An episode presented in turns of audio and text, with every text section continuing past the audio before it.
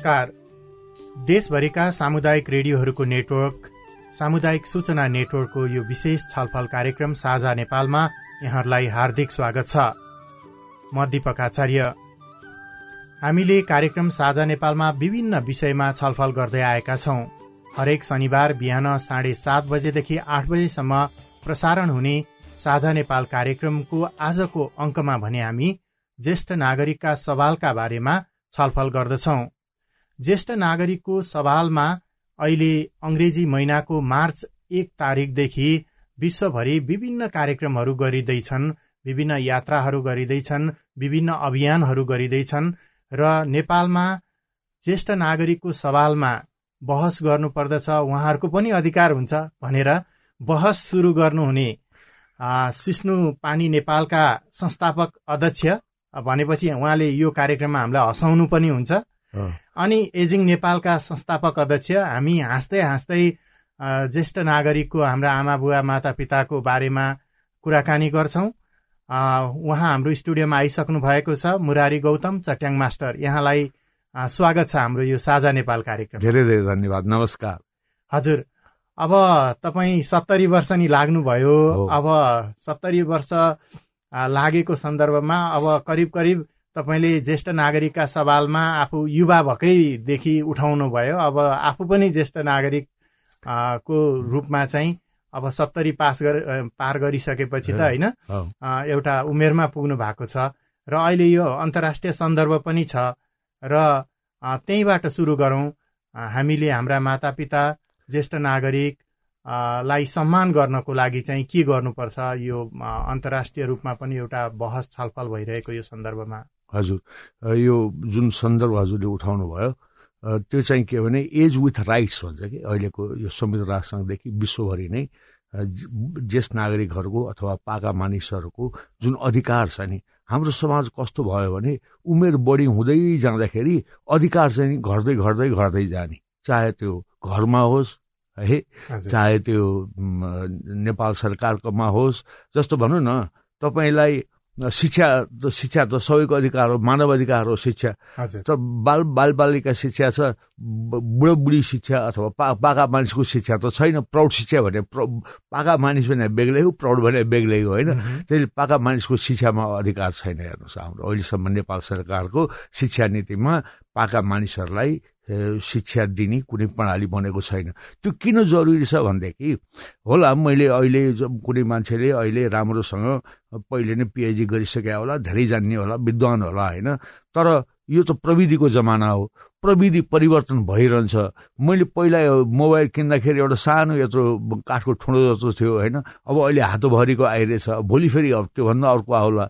यो प्रविधिको परिवर्तन सँगसँगै त्यो परिवर्तनबारे जे पाका मानिसहरूलाई सक्षम बनाउने कुनै माध्यम छैन कि? हाम्रो उसले आफैले जाने जान्यो नजाने त्यो पछि पर्यो। फेरि अहिलेको समस्या कस्तो समस्या भनौँ कि सुखको कुरा के छ भनेदेखि प्रविधिको विकास एकदम चाँडो चाँडो भइरहेको छ। र जो प्रविधिको विकासमा चाँडो चाँडो हिँड्न सकेन। त्यसको त्यही त्यही पेसमा अथवा त्यही त्यही गतिमा अगाडि बढ्न सकेन। प्रविधिबाट छुट्यो भने त्यो समाजबाटै एक्लिन्छ है। त्यसैले प्रविधि प्राविधिक शिक्षा सबैलाई जरुरी छ।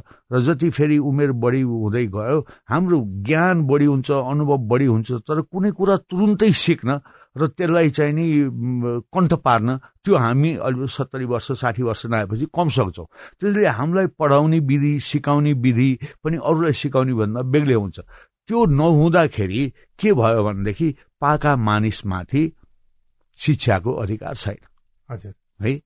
अर्को पाका मानिसमाथि स्वास्थ्यको अधिकार।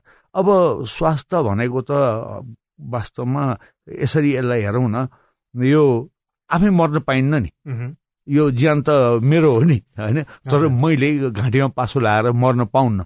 यदि मैले त्यो गरेँ भने त्यो एउटा अपराध जिउ धन सरकारको भन्छन् नि होइन? यो सरकारको हो यो राज्यको हो। तर राज्यले त्यो मान्छेलाई त्यो मर्न नदिनु चाहिँ नि राज्यले आफ कसैले आत्महत्या गर्न खोज्यो भने रोक्नु राज्य चाहिँ आफ्नो दायित्व ठान्छ होइन? पुलिसले लगाउँछ थुन्छ है अब मर्न पाइन्न भनेर किन यो राज्यको सम्पत्ति हो? तर त्यो त्यो उपचारमा चाहिँ किन हामीलाई सहुलियत छैन? किन हामीलाई पहुँच छैन? पाखा मानिस भन्ने बित्तिकै हाम्रो समाजको परिस्थितिमा त्यसको आम्दानी आय कम हुन्छ है? र त्यसको आय कम हुन्छ भनेर नै नेपाल सरकारले उसलाई वृद्ध भत्ता भन्ने दिन्छ होइन? किनभने आफू कमाउन सक्दैन। अब कमाउन नसक्नेसँग सरकारले त्यति नै उपचार विधिको पैसा लिन्छ अथवा भएका औषध औषधिहरू त्यही पैसामा लिन्छ जो कि पैसा कमाउन सक्ने उमेरको हुन्छ। कुनै मान्छे चालिस वर्षमा उपचार गराउँदैछ कुनै मान्छे सत्तरी वर्षमा उपचार गराउँदैछ तर दुइटैको ओखतीको भाउ यही दुइटैको चाहिँ नि उपचार त्यो खर्च चाहिँ उत्तिकै भएपछि त अन्याय भयो नि। हजुर। यहाँको कुरा एकदमै ठिक छ। जस्तो हामी अधिकार र कर्तव्य दुई एउटा सिक्काको दुईटो पाटो भन्छौँ होइन? अधिकारको कुरा गरिरहँदाखेरि कर्तव्यबाट पनि हामी टाढा टाढा हुँदै अधिकारबाट त वञ्चित गराइएकै छ तपाईँले भनेको जस्तै। र अब कर्तव्यबाट आफ्नो कर्तव्यबाट पनि हामी टाढा टाढा हुँदैछौँ। हिजो हामीलाई सनत कुमारको कथा सुनाएर माता पिताको सेवा सबभन्दा ठुलो सेवा हो होइन? र आफ्नो हजुरबुवा ज्येष्ठ नागरिकहरू उहाँहरूको चाहिँ हामीले सबैभन्दा बढी सेवा गर्नुपर्छ। त्यही नै सबैभन्दा ठुलो पुण्य हो धर्म हो भनेर सिकाइयो। तर अब हामी यो धर्म संस्कार संस्कृति हाम्रो चाहिँ चालचलनहरूबाट पनि टाढा हुँदै हाम्रो ज्येष्ठ नागरिकलाई छोड्दै छोड्दै हामी टाढिँदैछौँ। होइन? यसलाई अब कसरी कम गर्ने? होइन पहिलो कुरो त टाढियो त के भयो त? भनेर भन्ने पनि कोही छन्। यो टाढियो अहिले त त्यो अहिले भएको जो पाएको मानिस टाढियो होइन? तर भोलि तपाईँ हुनुहुन्छ के? अनि भोलि तपाईँ त्यो समाजबाट टाढिन चाहनुहुन्छ त्यसैले आजैदेखि समावेशी समाजको निर्माण गर्नु ज्यादै जरुरी छ। हामीले हरेक कुरामा लैङ्गिक लैङ्गिक समानता अरू अरू के के समानता होइन जुन जम्मै हेऱ्यौँ तर उमेरगत रूपमा पनि त्यो समानता जस्तो भनौँ न हामीलाई पाका मानिसले साठी वर्षभन्दा माथि माथिको मानिसले ब्याङ्कबाट ऋण लिन खोज्यो भने त्यो त्यो सजिलो छैन अरूलाई भन्दा गाह्रो छ होइन? त्यस्तै यो इन्सुरेन्स भन्छ नि इन्सुरेन्स लिन पनि अरू अरू उमेरकालाई भन्दा हामीलाई चाहिँ गाह्रो छ कि जहाँ जहाँ हाम्रो आम्दानी छैन जहाँ हाम्रो शारीरिक रूपमा कमजोर छौँ जहाँ हामीलाई सबैबाट मद्दत चाहिन्छ त्यही बेला हामीलाई कतैबाट नपाइने। यतिसम्म कि मैले कमाएको सम्पत्ति मैले बेच्छु भन्दा पनि कानुनमा के के लेख्या होला तर व्यवहारमा के भने ए तपाईँ सत्तरी पुग्नु भएको रहेछ तपाईँको जग्गा बेच्नलाई यसो घरको मान्छेले ल्याउनुहोस् न अरू तपाईँको हकवालाहरू। यो किन ल्याउनु पर्ने? हेर्नुहोस् त मेरो जग्गा पनि मैले बेच्न पाउन्न त्यसैले हामीलाई समाजले आफू आफ्नो हो जस्तै ठान्दैन। हामीलाई समाजले बाइकट गर्ने भन्छन् नि। अब हेर्नुहोस् म अहिले सत्तरी लागेँ है।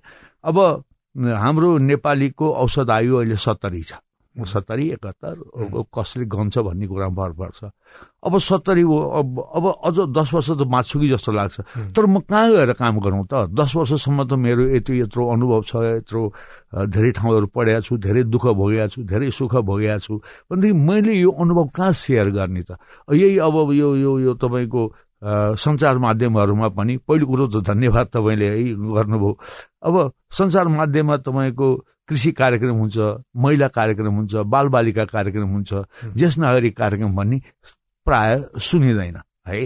अब सञ्चार माध्यमले पनि छोडिदिने हामीलाई अब जागिर जागिर खानेवाला तिनीहरूले पनि छोडिदिने र तपाईँकै अफिसमा एउटा साठीभन्दा माथिको मान्छे छ राम्रो मान्छे छ काम गर्छ है हट्टाकट्टा छ लिनुहोस् न। आ साठी मान्छे कहाँ जागिर दिने? हाम्रो जागिर कसरी नदिने हेर्नुहोस्।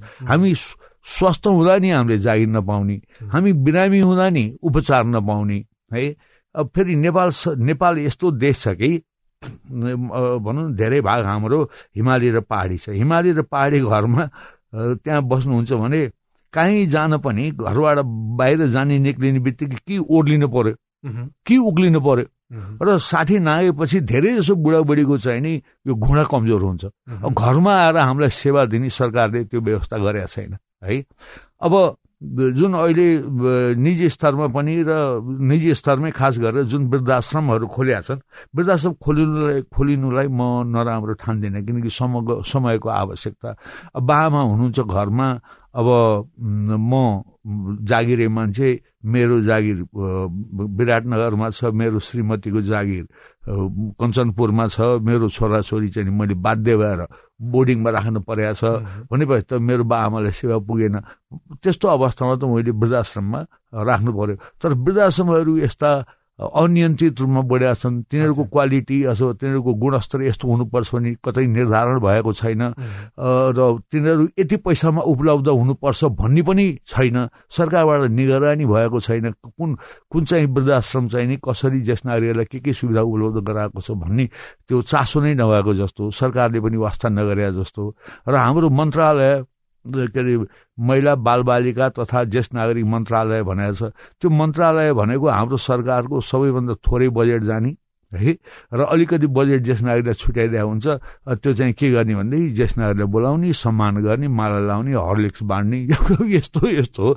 जब कि हाम्रो आवश्यकताहरू ज्यादै गहन छन् के? अब पहिलो कुरो त समाजलाई नोक्सान कसरी भयो भने समाजमा धेरै अनुभवी धेरै ज्ञान भएका मान्छे हुन् धेरै मान्छे त्यस्ता हुनु त देशको लागि त धन हो नि सम्पत्ति हो नि होइन?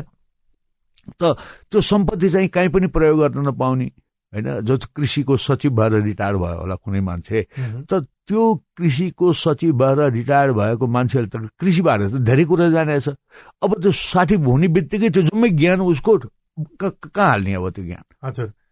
पक्कै पनि यहाँले भन्नुभएको जस्तै एउटा त हामी सक्रिय हुन चाहँदा चाहँदै पनि काम गर्न चाहँदा चाहँदै पनि सरकारले पनि उमेर हद बनाइदिने। परिवारले पनि अब बुढा भए यिनीहरूले केही गर्न सक्दैनन् भन्ने। समाजमा पनि त्यस्तै अब अवस्था सिर्जना हुने।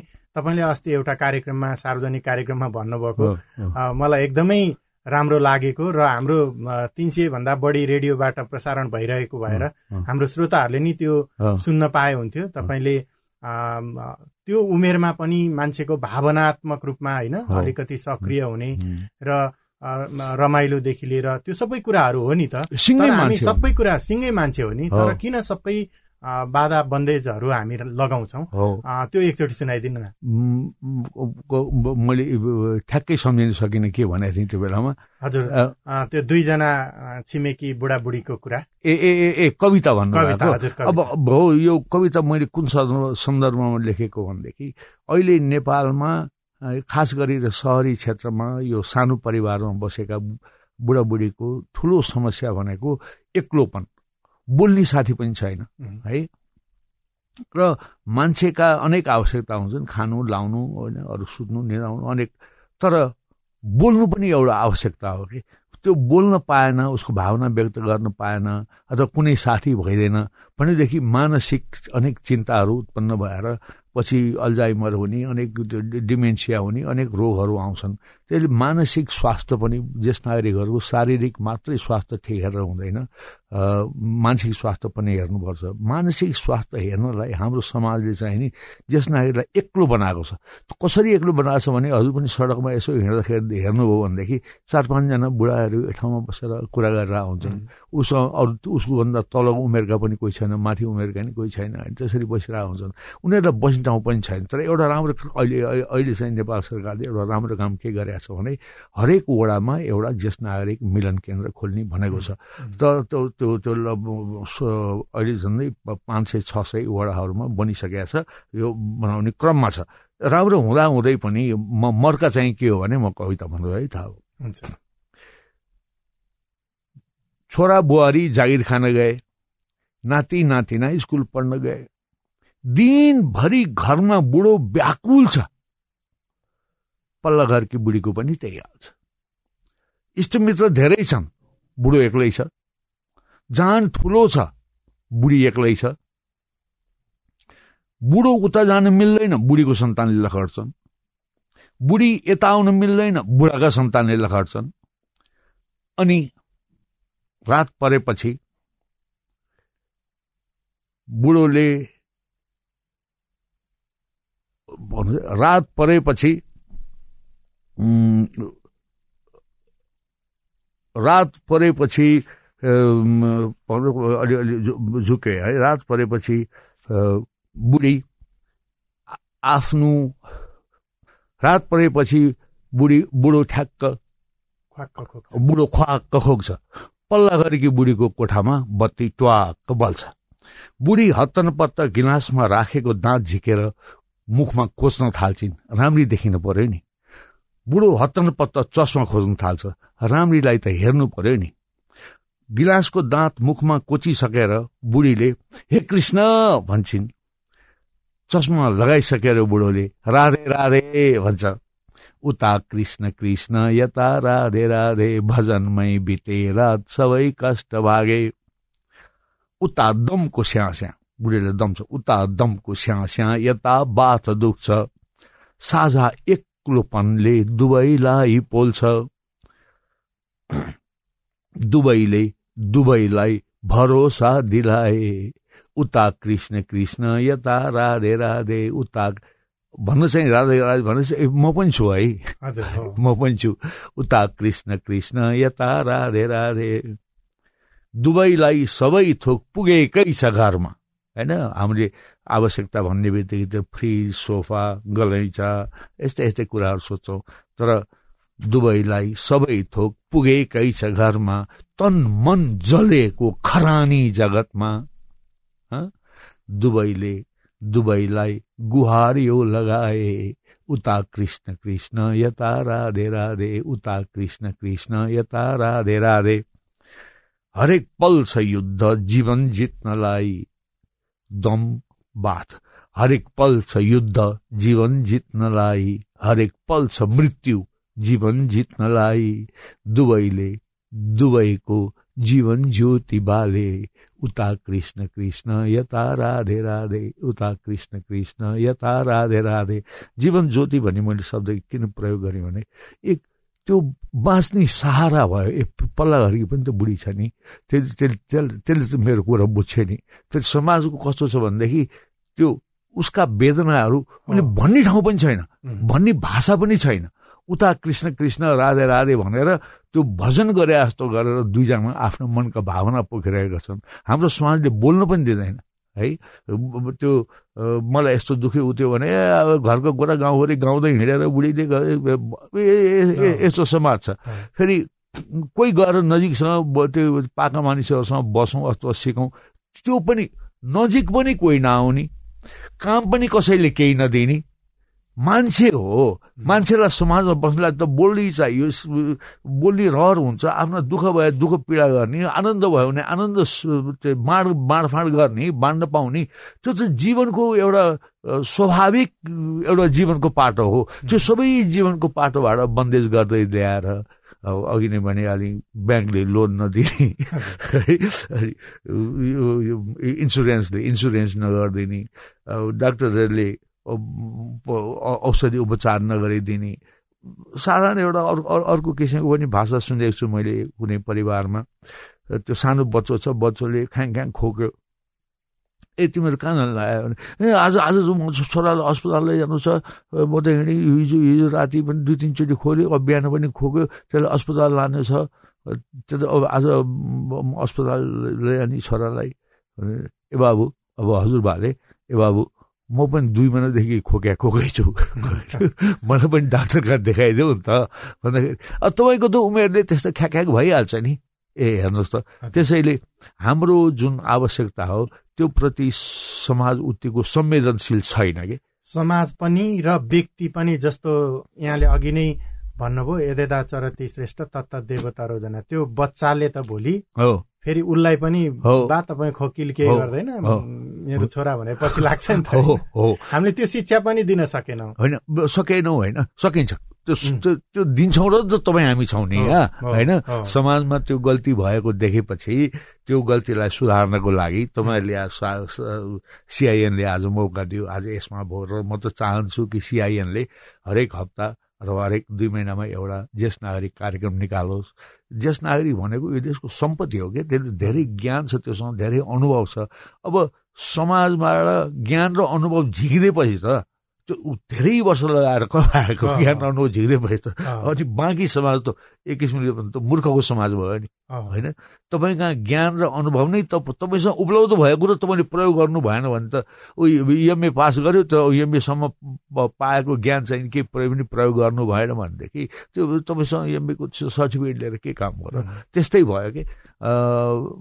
त्यसैले हामी अहिले के भन्न लागेका छौँ? त सारा विश्व नै अहिले संयुक्त राष्ट्र सङ्घबाट पनि अघि नै तपाईँले भन्नुभए अनुसार यो ज्येष्ठ नागरिकको अधिकारको बारेमा विभिन्न मुलुकहरूमा अभियानहरू चलिरहेको छ। अहिले अहिलेको अभियान आजदेखि पाँच तारिकसम्म अब अब पाँच दिनसम्म चल्ने अभियानमा ज्येष्ठ नागरिकलाई ध्यान ध्यानमा राखेर उनीहरूको के के अधिकार हनन गएको हनन भएको छ अथवा उहाँहरूलाई चाहिने मानव मानव अधिकार हामीले के के दिन सकेका छैनौँ र अब कसरी दिने भन्ने बारेमा कुराकानी विश्वभरि चलिरहेको छ त्यसै सन्दर्भमा आज तपाईँले बोलाउनु एकदमै तपाईँको अब लामो अनुभव छ अब एजिङ नेपालदेखि लिएर अब अन्तर्राष्ट्रिय यो सम्बन्धी सङ्घ सङ्गठनहरूमा आबद्ध हुने कार्यक्रममा सहभागी हुने त्यो अनुभवहरू अध्ययन सबै हुँदाखेरि अघि हामीले भन्यौँ केही निराशा हाम्रो पुस्ता परिवर्तन हुँदै जाँदाखेरि केही कुराहरू हामी छोड्दै गयौँ।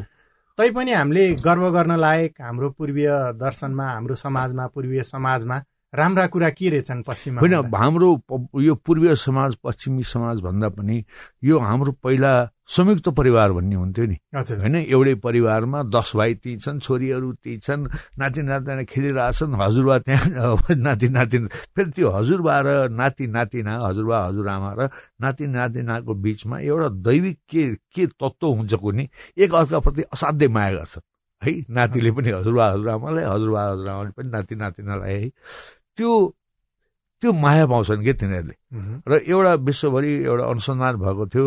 त्यस त्यसमा के देखेको थियो भनेदेखि दुई थरी परिवार एक थरी बाउ बच्चा मात्रै भएको परिवार र एक थरी चाहिँ नि हजुरबा हजुरआमा बा आमा र नाति नातिना भएको समाज परिवारमा अध्ययन गर्दाखेरि के देखियो भनेदेखि त्यो हजुरबा हजुरआमा भएको समाजमा भएको परिवारमा हुर्केको बच्चा चाहिँ नि यो कुपोषणको शिकार कम हुँदो रहेछ।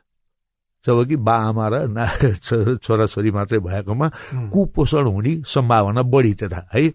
र दोस्रो त्यो स्कुल ड्रप आउट भन्छ नि स्कुल नजाने स्कुल छोडिदिने है? पढाइ चाँडै छोडिदिने त्यस्तो समस्या त्यो बामा मात्रै भएको परिवारमा हुर्केको बच्चाको बढी हुँदो रहेछ। तर हजुरआमा हजुर बा भएको परिवारमा शिक्षा बढी हुँदो रहेछ। तेस्रो कुरा सबैभन्दा महत्त्वपूर्ण कुरा त्यो हजुरबा हजुरआमा र बाआमा भएको ठाउँमा हुर्केका नाति नातिनाहरू कम समाज विरोधी तत्त्वमा लाग्दा जस्तो भनौँ न यो गाँजा खाने के आफ्नै नारीमा सुई हान्ने अथवा गैर सामाजिक सामाजिक क्रियाकलापहरूमा लाग्ने त्यस्ता मान्छे चाहिँ नि यो हजुरबा हजुरआमाले हुर्काएको नातिहरूमा चाहिँ हुँदो रहेछ। त्यो बा आमाले बा र आमा र बच्चा बच्ची मात्रै हुर्केको समाजबाट त्यस्ता अपराधिक प्रवृत्ति प्रवृत्तिका बच्चा आउने सम्भावना धेरै हुँदो रहेछ। त्यसैले यदि तपाईँ आफ्नो छोरो अथवा आफ्नो छोरी होइन ऊ चाहिँ नि कुफो कुपोषणको शिकार नहोस् उसको शिक्षा निरन्तर चलिरहोस् र ऊ सामाजिक अपराधिक क्रियाकलापमा संलग्न नहोस् भन्ने चाहनुहुन्छ भनेदेखि हजुर आफ्नो बाआमालाई आफ्नो घरमा राख्नुहोस्। अनि मात्रै तपाईँको छोराछोरीहरू सही मार्गमा लाग्न सक्छन्। यो यो ठुलो एउटा अनुसन्धान गरेर निक्लेको निष्कर्ष हो।